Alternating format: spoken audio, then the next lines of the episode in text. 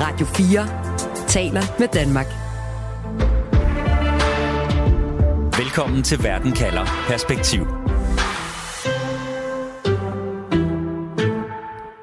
Han er diktatoren, der reddede Putin fra mytteri. Belarus' præsident Alexander Lukashenko trådte til, da oprørske lejesoldater denne weekend marcherede mod Moskva for at gøre op med Putin og hans militærtop. Da Wagnerherren var 200 km fra Moskva, så fik Lukashenko angiveligt Wagner-chefen til at vende om og hans soldater til at opgive deres oprør.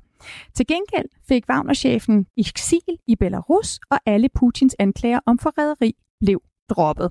Derfor spørger jeg i dag, har kupforsøget i Rusland styrket Lukashenko?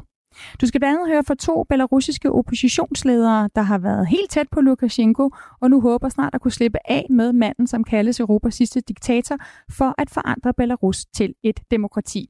Jeg hedder Stine Krohmann Dragsted. Velkommen til Verden kalder perspektiv, hvor jeg stiller et spørgsmål, der giver dig perspektiv på verden omkring os, og på 30 minutter giver dig et svar. Du lytter til Radio 4.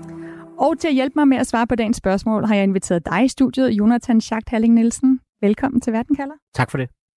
Jonathan, du har studeret, du har rejst i Belarus, du har et indgående kendskab til landet og kontakter til prodemokratiske kræfter både i og uden for Belarus. Mm. Så vi har altså præsidenten for Belarus, Lukashenko, som byder lederen af den private leje her, Prigozhin, velkommen i sit land, nu hvor han er ravet uklar med Putin. Jonathan, du er ikke overrasket over, at det endte med at øh, være Lukashenko og alle, der ligesom blev maler her og stoppede Prigozhin fremmars øh, mod Moskva. Hvorfor ikke? Der er ikke nogen tvivl om, at rollen som maler passer Lukashenko meget godt. Øh, tilbage i 2014, da man så den første russiske invasion af Ukraine øh, på Krim og i Østukraine, der var det jo netop Lukashenko, der inviterede øh, både Putin og den daværende ukrainske præsident Poroshenko, også i øvrigt tyske Merkel og franske Hollande, til Minsk for at lave det, der blev kaldt øh, Minsk-aftalerne. Øh, og øh, den rolle, det gav ham at være den store forlismager, også mellem øst og vest i øvrigt. Øh, det, var, det var noget, der passede ham godt, for der satte han på, på kontoen og havde noget at handle med, i øvrigt både noget at handle med i forhold til, til øst og, øh, og vest. Politisk kapital, om man vil. Så det giver ham politisk kapital, og så gør det også lettere for ham ligesom at vise, at han er bestemt en stadigvæk en stærk mand, man skal regne med. Lige om lidt, så skal vi høre fra den tidligere præsidentkandidat, som stillede op imod øh, uh, Lukashenko ved det sidste valg i, i 2020, der var altså i Belarus, hvor Lukashenko jo altså udråbte sig selv som vinder, selvom alt tyder på, at oppositionen vandt. Den tidligere præsidentkandidat, som nu er oppositionsfigur, han skriver en sms til Verden kalder, at han ikke mener, at Lukashenko har kunne lave den her aftale med Prigozhin selv, men at der har været andre russiske personer med indflydelse ind over aftalen om, at øh, Prigozhin altså ligesom skulle stoppe øh, sin fremmarsch mod Moskva og gå i eksil i Belarus. Jonathan, det er jo lidt et spørgsmål om, Lukashenko har spillet en nøglerolle her i weekendens drama, eller om han blot har været en nyttig brik. Hvad, hvad ved vi egentlig om, hvor stor en indflydelse han har haft? Det ved vi ikke ret meget om ud i det konkrete, men altså hvis man kigger på de begivenheder, der har været, det vi konkret øh, ved, det er, at de første, der gik ud og sagde, at der var en øh, aftale, det var det, der hed Pul Pervava, som er et Lukashenko-medie, der følger øh, præsidenten, øh, eller øh, ham, der kalder sig præsident. Og øh, sidenhen blev det bekræftet for Kreml, og så kom tilbagerykningen. Så, så man kan sige, hvis man skal prøve at holde fast imod noget konkret viden, som har vist sig øh, i virkeligheden, så er det dog, at, øh, at det, de har sagt vil ske, er sket, øh, og på den måde har de øh, mere eller mindre berettet måske fået en øh, nøglerolle.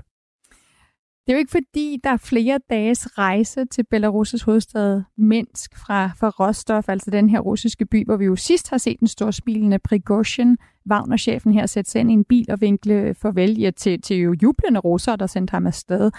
Ved vi noget, når du følger med fra Belarus' side, om, om Prigozhin, altså hvornår han ankommer til Belarus? Der er ikke meldt noget ud om, hvornår han ankommer, men det er jo påfaldende, hvor hurtigt han kunne rykke mod Moskva, og hvor lang tid det så tager ham at komme til, til Minsk, eller hvor han nu skal hen i, øh, i, i Belarus. Jeg er ret sikker på, at når han er der, så vil der komme et øh, billede af det, for der er skabt en forventning også i belarusiske regimemedier om, at han er på vej. Spørgsmålet er i øvrigt også ud over øh, selve Prigozhin, øh, om han ankommer, hvornår han ankommer, hvem der måtte ankomme sammen med ham. Lige nu er spekulationen selvfølgelig på, om det, der er givet lov til, er bare, at Prigozhin kommer øh, og skal have ophold i landet, eller om det er Wagnergruppen, der kommer øh, med tusindvis af soldater, der skal have base i, øh, i, i Belarus. Det sidste har jeg svært ved at forestille mig, at øh, Lukashenko skulle have nogen stor interesse i. tilbage under præsidentvalget 2020, øh, der øh, stod Lukashenko jo selv for at få arresteret 33 Wagner-soldater, der opholdt sig i Belarus, sandsynligvis fordi han opfordrede, øh, opfattede dem som en trussel øh, mod hans magt. Så hvad siger det? Altså, for bare et par år siden, der, får han, der arresterer han 33 Wagner-soldater. Øh, hvad siger det om Lukashenkos forhold til Wagner-gruppen, nu hvor Prigozhin øh, skal bo i hans land? Jeg tror først og fremmest, man må sige, at Lukashenko er en aktør, der plejer sine egne interesser, efter en periode, hvor man har spekuleret meget i, om han var blevet så afhængig af, af, af Putins goodwill, at, øh, at selve spørgsmålet om, om belarusisk øh, selvstændighed var på spil, så har han nu øh, skabt sig en situation med et selvstændigt øh, handlerum. Men, øh, men det kan jo hurtigt øh, gå fløjten igen, hvis det han lige pludselig øh, hænger på, er øh, endnu en konkurrerende øh, magtfaktor internt i Belarus. Ja, for forventer, Jonathan, forventer Putin, at Lukashenko holder styr på Prigozhin, altså sådan, at, at Wagner-chefen ikke bare kan sidde i Belarus og planlægge oprør mod Moskva derfra? Jeg tror, den måde, man umiddelbart forventer, han skal være i Belarus på, og det kan være øh, naivt, hvis man i øvrigt følger, hvem øh, Prigozhin er og hvad han foretager sig, det er, at han tager en rolle, øh, ligesom den tidligere øh, kirgisiske øh, leder Bakiev, som netop har opholdt sig i Belarus siden 2010. Altså han var præsident, og der var en folkelig opstand, og øh, så skulle man finde et sted at placere ham, og det blev så i, øh, i Minsk. Øh, og, øh, og, og der har han så indtil, øh, fra tid til anden mødtes med, med Lukashenko, men jo ellers holdt relativt øh, lav profil. Du lytter til Verden kalder Perspektiv på Radio 4. For bare tre år siden, der var Lukashenko, altså præsidenten i Belarus, ved at tabe magten i landet, da en stærk demokratisk opposition udfordrede den mand, der kaldes Europas sidste diktator. Lukashenko han endte med at slå brutalt ned på de mange mennesker i Belarus, der ikke vil acceptere, at han erklærede sig selv som vinder.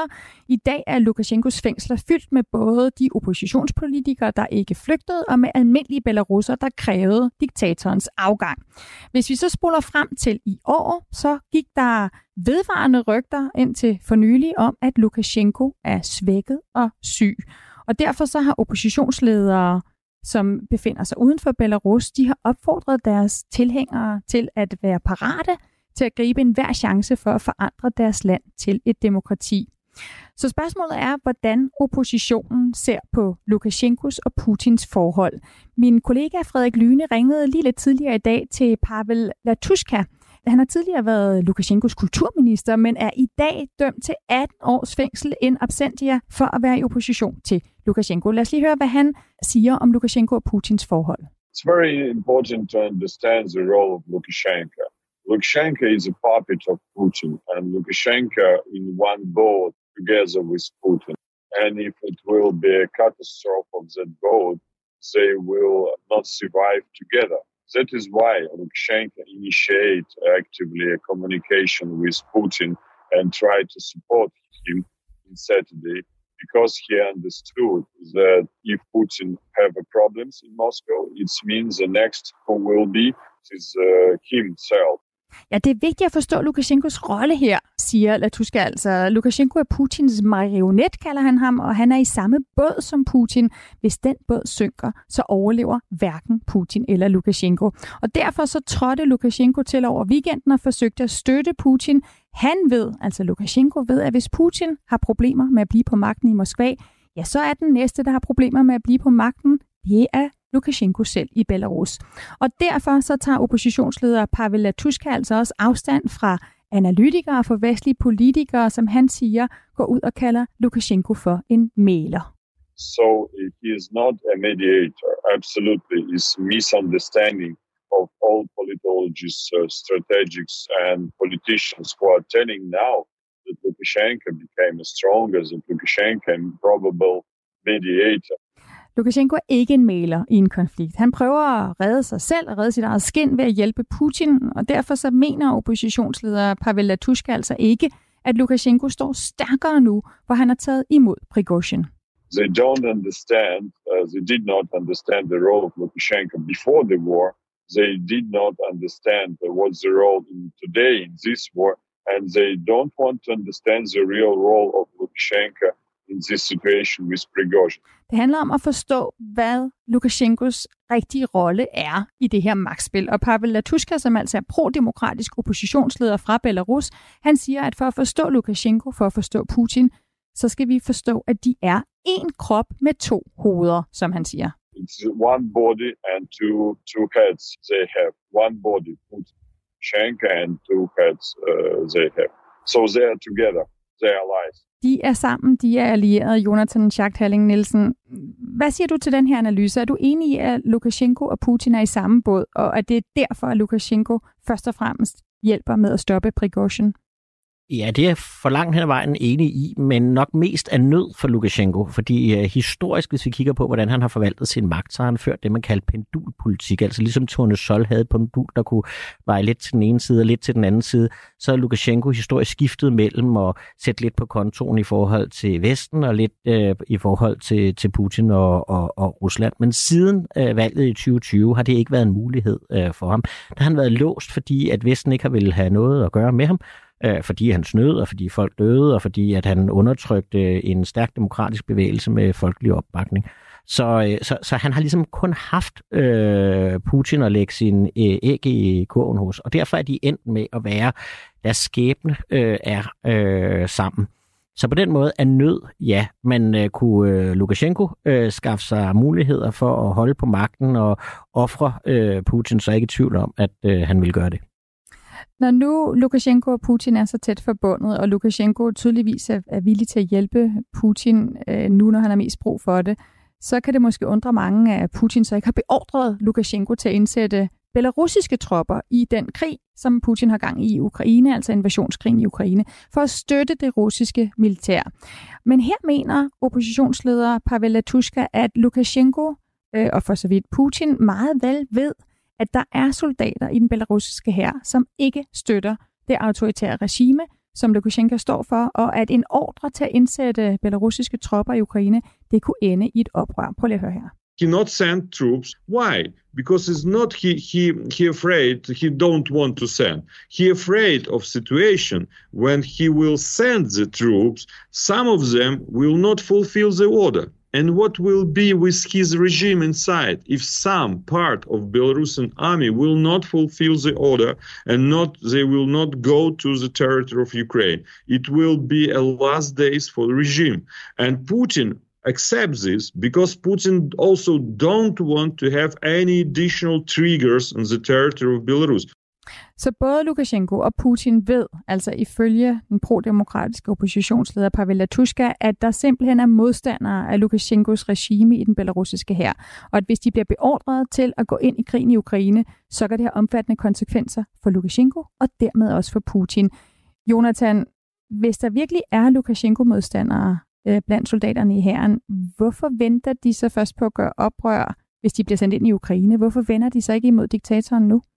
Måske har de allerede gjort det øh, på den måde forstået, at øh, den belarusiske her jo ikke står i, øh, Rus, øh, undskyld, i Ukraine på, på nuværende tidspunkt. Det kan sagtens have været, at planen var, at de skulle øh, have gjort det, men modstanden internt i regimet simpelthen var for stor. Man må forstå, at øh, Rusland og Belarus er ikke øh, to alen af et stykke. Øh, for det første har den belarusiske befolkning allerede taget stilling til fordel for demokrati og, hvad skal man sige, mere vestlige eller demokratiske øh, værdier i statsforholdene. Lukashenko har bare undertrykt det massivt, og der sidder derfor 1.500 mennesker fængslet som anerkendte politiske fanger, om tusindvis, endda 10.000 vis er flygtet øh, ud af landet. Så, øh, så, så samtidig har der været målinger, der har vist øh, fra britiske Chatham House, at der er en forsvindende lille del af den belarusiske befolkning, som øh, støtter, at man går ind i krigen på russisk side, og i øvrigt har været det øh, fra dag et. Altså, de har pålet det til at være under 5 procent. Det vil sige, selv den del af det belarusiske samfund, som støtter Lukashenko, vil være imod, at øh, man øh, deltager i krigen på, på russisk side. Så det kan sagtens være, at der allerede har været et internt regimeopgør om at øh, gå med. Men et, opgør, et opgør, der altså gælder Ukraine, men ikke et, der betød, at Lukashenko ikke kunne beholde magten tilbage i 2020, hvor han jo slog brutalt ned på de øh, folk, der gik på gaden for at sige, hey, du skal ikke stjæle vores valg. Hmm.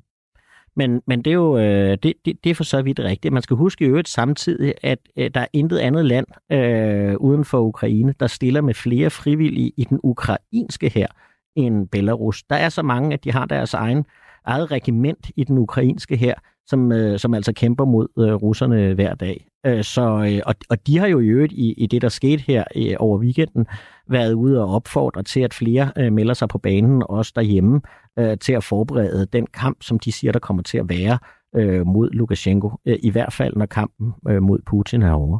Og en af de oppositions, andre oppositionsledere, vi skal høre fra lige om lidt, han har netop også udtalt til os her i Verden kalder, at der er jo god kontakt, øh, også i modsætning til, hvad vi ser øh, i Rusland, altså blandt opposition i Rusland, så er der i Belarus god kontakt mellem dem, der netop kæmper øh, i Ukraine øh, imod øh, Putins soldater, og så de, de pro-demokratiske grupper, der sidder rundt omkring og gerne vil af med, med Lukashenko. Mm. Jonathan, øh, Lukashenkos skæbne, altså kan vi så slå fast, at altså, den her skæbne, øh, om han kan stå som stærk mand, om han kan fortsætte som diktator, den er nu efter han har taget imod Prigozhin, efter han på en eller anden måde er blevet en, en nøglespiller i, i den her aftale, der er lavet efter oprøret i, i Rusland, den er i endnu højere grad blevet bundet til Putins skæbne.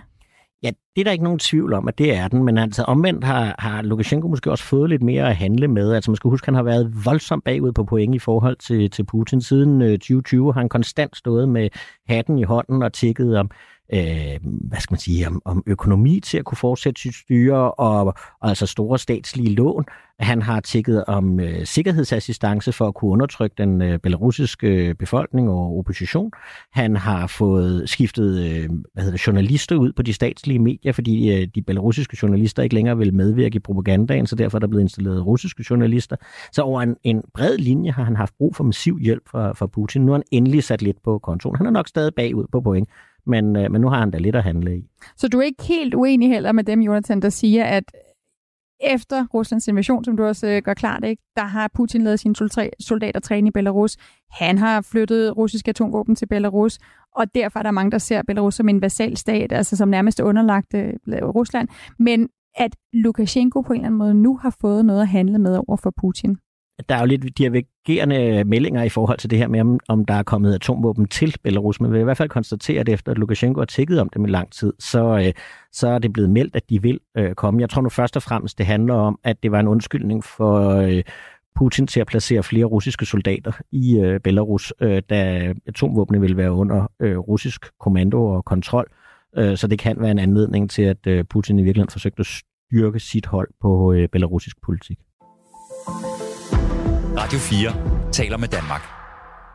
Vi har kigget på, hvordan Lukashenko og Putin og deres greb om magten i Belarus og i Rusland er bundet op på hinanden. Og så er spørgsmålet jo, hvad det betyder for Putin, at der længe har været vedholdende rygter om, at øh, Lukashenko, altså Belarus' leder, er syg og svækket. Spekulationer, der fik næring, da Lukashenko i maj deltog i Ruslands sejrdagsparade, hvor Lukashenko så medtaget ud. Han havde forbinding på den højre hånd, han havde en hæs stemme, og for første gang i 28 år, der holdt Lukashenko ikke en tale til den her sejrdagsparade. Ligesom at Lukashenko måtte køres bare de få 100 meter, der er fra den røde plads til, de ukendte, til den ukendte soldats grav. Altså en distance, som øh, de andre deltagere i paraden, de andre statsledere, og også Putin, bare spacerede. En af dem, der mener, at Lukashenkos liv er troet af dårligt helbred, og at Lukashenko har været indlagt på et hospital efter den her sejrsparade i Moskva, det er Valeri Sepkalo. Sepkalo han er modstander af Lukashenkos regime. Han stillede selv op imod Lukashenko til præsidentvalget for tre år siden, som endte i det her folkeoprør, der blev slået hårdt ned på. Og så har Sepp Carlo altså støttet øh, Lukashenko og ledt Lukashenkos præsidentkampagne helt tilbage i 1994, dengang Lukashenko blev set som øh, Belarus' nye håb. Min kollega Frederik Lyne, han spurgte Sepp Carlo, hvad han ved om Lukashenkos helbred. Well, uh, you know, it's not about my belief. I received this information from uh, one of the doctors uh, in uh, Moscow hospital who was called uh, at the night time urgently to save Lukashenko's life. I don't have any ground not to believe this doctor, and he won, uh, was one of 10 major um, uh, big doctors that were part of a big consilium. They were thinking what to do with him. Uh, so, and uh, this this was uh, basically it. Valeri Sepkarlo ja, altså, han har talt med russiske læger, der fortæller, at Lukashenko var så svækket, at de måtte redde hans liv. Jonathan Schachthalling Nielsen, hvad, hvad tænker du om det her udsagn? Altså, det kan jo også lyde lidt som ønsketænkning fra en oppositionsleder, der gerne vil se en svækket Lukashenko. Ja, altså det, de her rygter har jo, har jo kørt, og de kører jo ofte i, i sådan nogle diktatorstater. Øh, også hvis, hvis øh, diktatoren er væk et par uger og ikke lige har været i medierne. Øh, så det er ofte jo lidt svært at vide, med hvilken, hvilken lid man skal feste til dem. Hvis vi holder fast i, hvad vi sådan ved sikkert, så ved vi, at han bare bandager, øh, både under 9. Øh, maj-paraden i, øh, i, i Moskva, øh, den hjemlige 9. maj-parade, der sagde han jo så ikke noget, øh, og så var han væk i nogle dage, øh, hvor der samtidig var et massivt politiopbud foran det, øh, det der blev kaldt det præsidentielle øh, hospital, og så dukkede han så efter hvad, en, en uges tid øh, op og så stadig sådan lidt bleg ud, og nu havde, nu havde forbindingen fra den ene hånd så skiftet over var en forbinding på den anden hånd. Og det tyder jo på, at der har været en eller anden form for alvorlighed i, øh, i det sygdomsforløb, han har, han har været igennem. Men siden da har vi vel ikke rigtig set tegn på, at, øh, at han skulle være, øh, være syg. Han har måske ikke lige stillet op til ishockeykampe og hvad han nu ellers plejer for at virke som en uh, stærk mand. Uh, men, uh, men, men alt tyder på, at, uh, at han har i øvrigt passet de gerninger, som han nu har, har skulle, uh, skulle passe. Så, så om han er døende uh, eller har været ramt af noget forbigående, kan jo være svært at konkludere på uh, udefra. Mm. Lukashenko er ifølge Valeri Sepkarlo en tækkende bombe, der kan sprænge i luften når som helst, og det siger den her pro-demokratiske oppositionsfigur fra Belarus altså, fordi han mener at vide, at Lukashenko lider af blodpropper. His body uh, produces a lot of blood clots, you know, just that can uh, uh, damage him anytime. So he is like a, a bomb that can be exploded at any time. A bomb that could be exploded at any time, Jonathan. Igen en ret vild påstand. Og hvis mm. det er sandt, så kan det jo lyde som om Lukashenko virkelig er sårbar. Nu var Putins nye ærkefjende, øh, tidligere egen øh, skabning, Prigozhin, skal i eksil i Belarus under Lukashenkos varetægt. Hvad risikerer Putin så, hvis Lukashenko øh, pludselig falder om med en blodprop? Ja, man kan sige, for det første er det jo klart, at alene den, øh, det, at vi diskuterer øh, Lukashenkos helbred, er skadeligt øh, for ham på den måde forstået, at han har brug for, på samme måde som øh, Putin jo har haft brug for at processere styrke øh, udadtil, så har Lukashenko det samme øh, også. Når det så er sagt, øh, så, øh, så, så kan man sige, at i forhold til, til dit spørgsmål, så, øh, så har øh, i det omfang, at, at det nu er Lukashenko, som har forhandlet sig aftalen, så er der jo i hvert fald lavet en eller anden form for, for, for aftale. Den står og falder nok ikke med, at, øh, at Lukashenko øh, er der til at, at, at håndhæve den. Han har været mellemmand på den, så, så aftalen mellem de to måtte jo stadig eksistere øh, bagefter. Men det er selvfølgelig klart, at hvis, hvis øh, Lukashenko dør, så er det ikke tydeligt, hvem der er nummer to i, i Belarus, og det kan sætte øh, gang i begivenheder internt i Belarus, der betyder noget for indrigspolitikken, men det kan sørme også betyde noget for, om Prigozhin er, er, er fredet i, øh, i, i Belarus, og hvad Ruslands rolle i øvrigt bliver i at forsøge at finde en erstatning for, øh, for Lukashenko i Belarus. Ja, for øh, Valeri Sepkarlo, altså øh, pro-demokratisk oppositionsfigur fra Belarus, han siger, at øh, der nok står en person klar til at tage over, hvis Lukashenko bliver alt for svækket, eller måske lige frem dør. Lad os lige høre, på, høre hvad, hvem han tror, det er. Natalia Kachanova, according to the constitution, the new edition of the constitution, uh, would be an interim president, and uh, she should declare Uh, elections in uh, Belarus uh, that would uh, uh, that can happen uh, in a couple of uh, months. Det vil sige, en ny ændring uh, til den belarusiske forfatning betyder øh, ifølge Sepp Carlo, at formanden for det belarusiske råd, som hedder Natalia Kashanova, at hun vil blive midlertidig præsident, og så skal hun udskrive valg. Jonathan, Natalia Kashanova, er hun en figur, Rusland kan have placeret for at sikre et magtskifte, som er favorabelt for Putin? Men det tror jeg ikke, der er nogen aktører, der sådan rigtig øh, tror på. Øh, hun, er, øh, hun spiller selvfølgelig en, en rolle i det officielle øh, Belarus, men hun er ikke blevet spået en, øh, en, en fremtidig karriere som, øh, som præsident. Man skal huske, det er jo et stærkt, øh, også sexistisk styre. Det var jo en af de ting, der overraskede verden, da Svetlana Tikhanovskaya meldte sig på banen som præsidentkandidat i dag tilbage i 2020, der var, der sagde Lukashenko, at man kunne slet ikke forestille sig, at en kvinde kunne øh, varetage det her øh, store arbejde som, øh, som præsident. Så der er nok ikke nogen internt i regimet, der har forestillet sig, at hun skulle være sådan en rigtig kandidat til at, at udfordre ham. Som jeg forstår øh, oppositionslederne her, så er deres øh, forventning heller ikke, at det er hende, der ligesom skal have den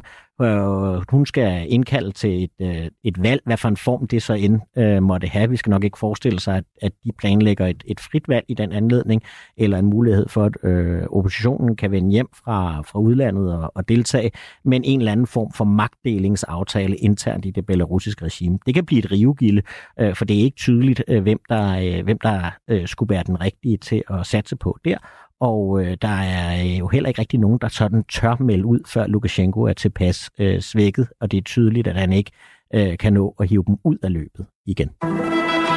Du lytter til Radio 4. Hvor jeg her i Verden kalder i dag stiller spørgsmålet, har kupforsøget i Rusland styrket, styrket Lukashenko? Jonathan, hvad er dit svar på det spørgsmål? Ja, det har det. Øh, det har styrket ham i den interne relation med, øh, med Putin, men det har ikke nødvendigvis styrket ham i forhold til den belarusiske befolkning. Hvad er vigtigst her for ham, hvis han skal overleve? På den korte bane er det relationen til, øh, til, til Putin, men det holder jo kun så længe Putin kan holde krigen i Ukraine kørende. Hvis, øh, hvis eller når han taber i Ukraine, så er spørgsmålet, hvad sker der med Putin, og hvad sker der med Lukashenko? Tusind tak for den analyse, Jonathan Schacht Halling Nielsen. Velbekomme. Altså Belarus øh, kender, som har rejst og boet i øh, Belarus og har indgående kendskab også til de prodemokratiske kræfter, der stadigvæk øh, arbejder for en forandring i landet. Programmet her var tilrettelagt af mig, Stine Krohmann Dragsted, og af Frederik Lyne, redaktør af Dorte Lind. Og uanset hvad der sker, så husk at du kan få svar på et afgørende spørgsmål lige her i Verden kalder med mig, Stine Krohmann Dragsted. Vi sender fremover live mandag og torsdag Først en halv time om en aktuel sag i Verden kalder, og så får du 30 minutters Verden kalder perspektiv, hvor vi altså sætter et spørgsmål om verden ind i en større sammenhæng og giver dig svar. Du kan altid lytte til Verden kalder som podcast, og hvis du finder os som podcast, så husk at trykke følg, så får du de aller sidste afsnit af Verden kalder, så snart de kommer. Du har lyttet til en podcast fra Radio 4. Flere episoder i vores app, eller der, hvor du lytter til podcast. Radio 4 taler med Danmark.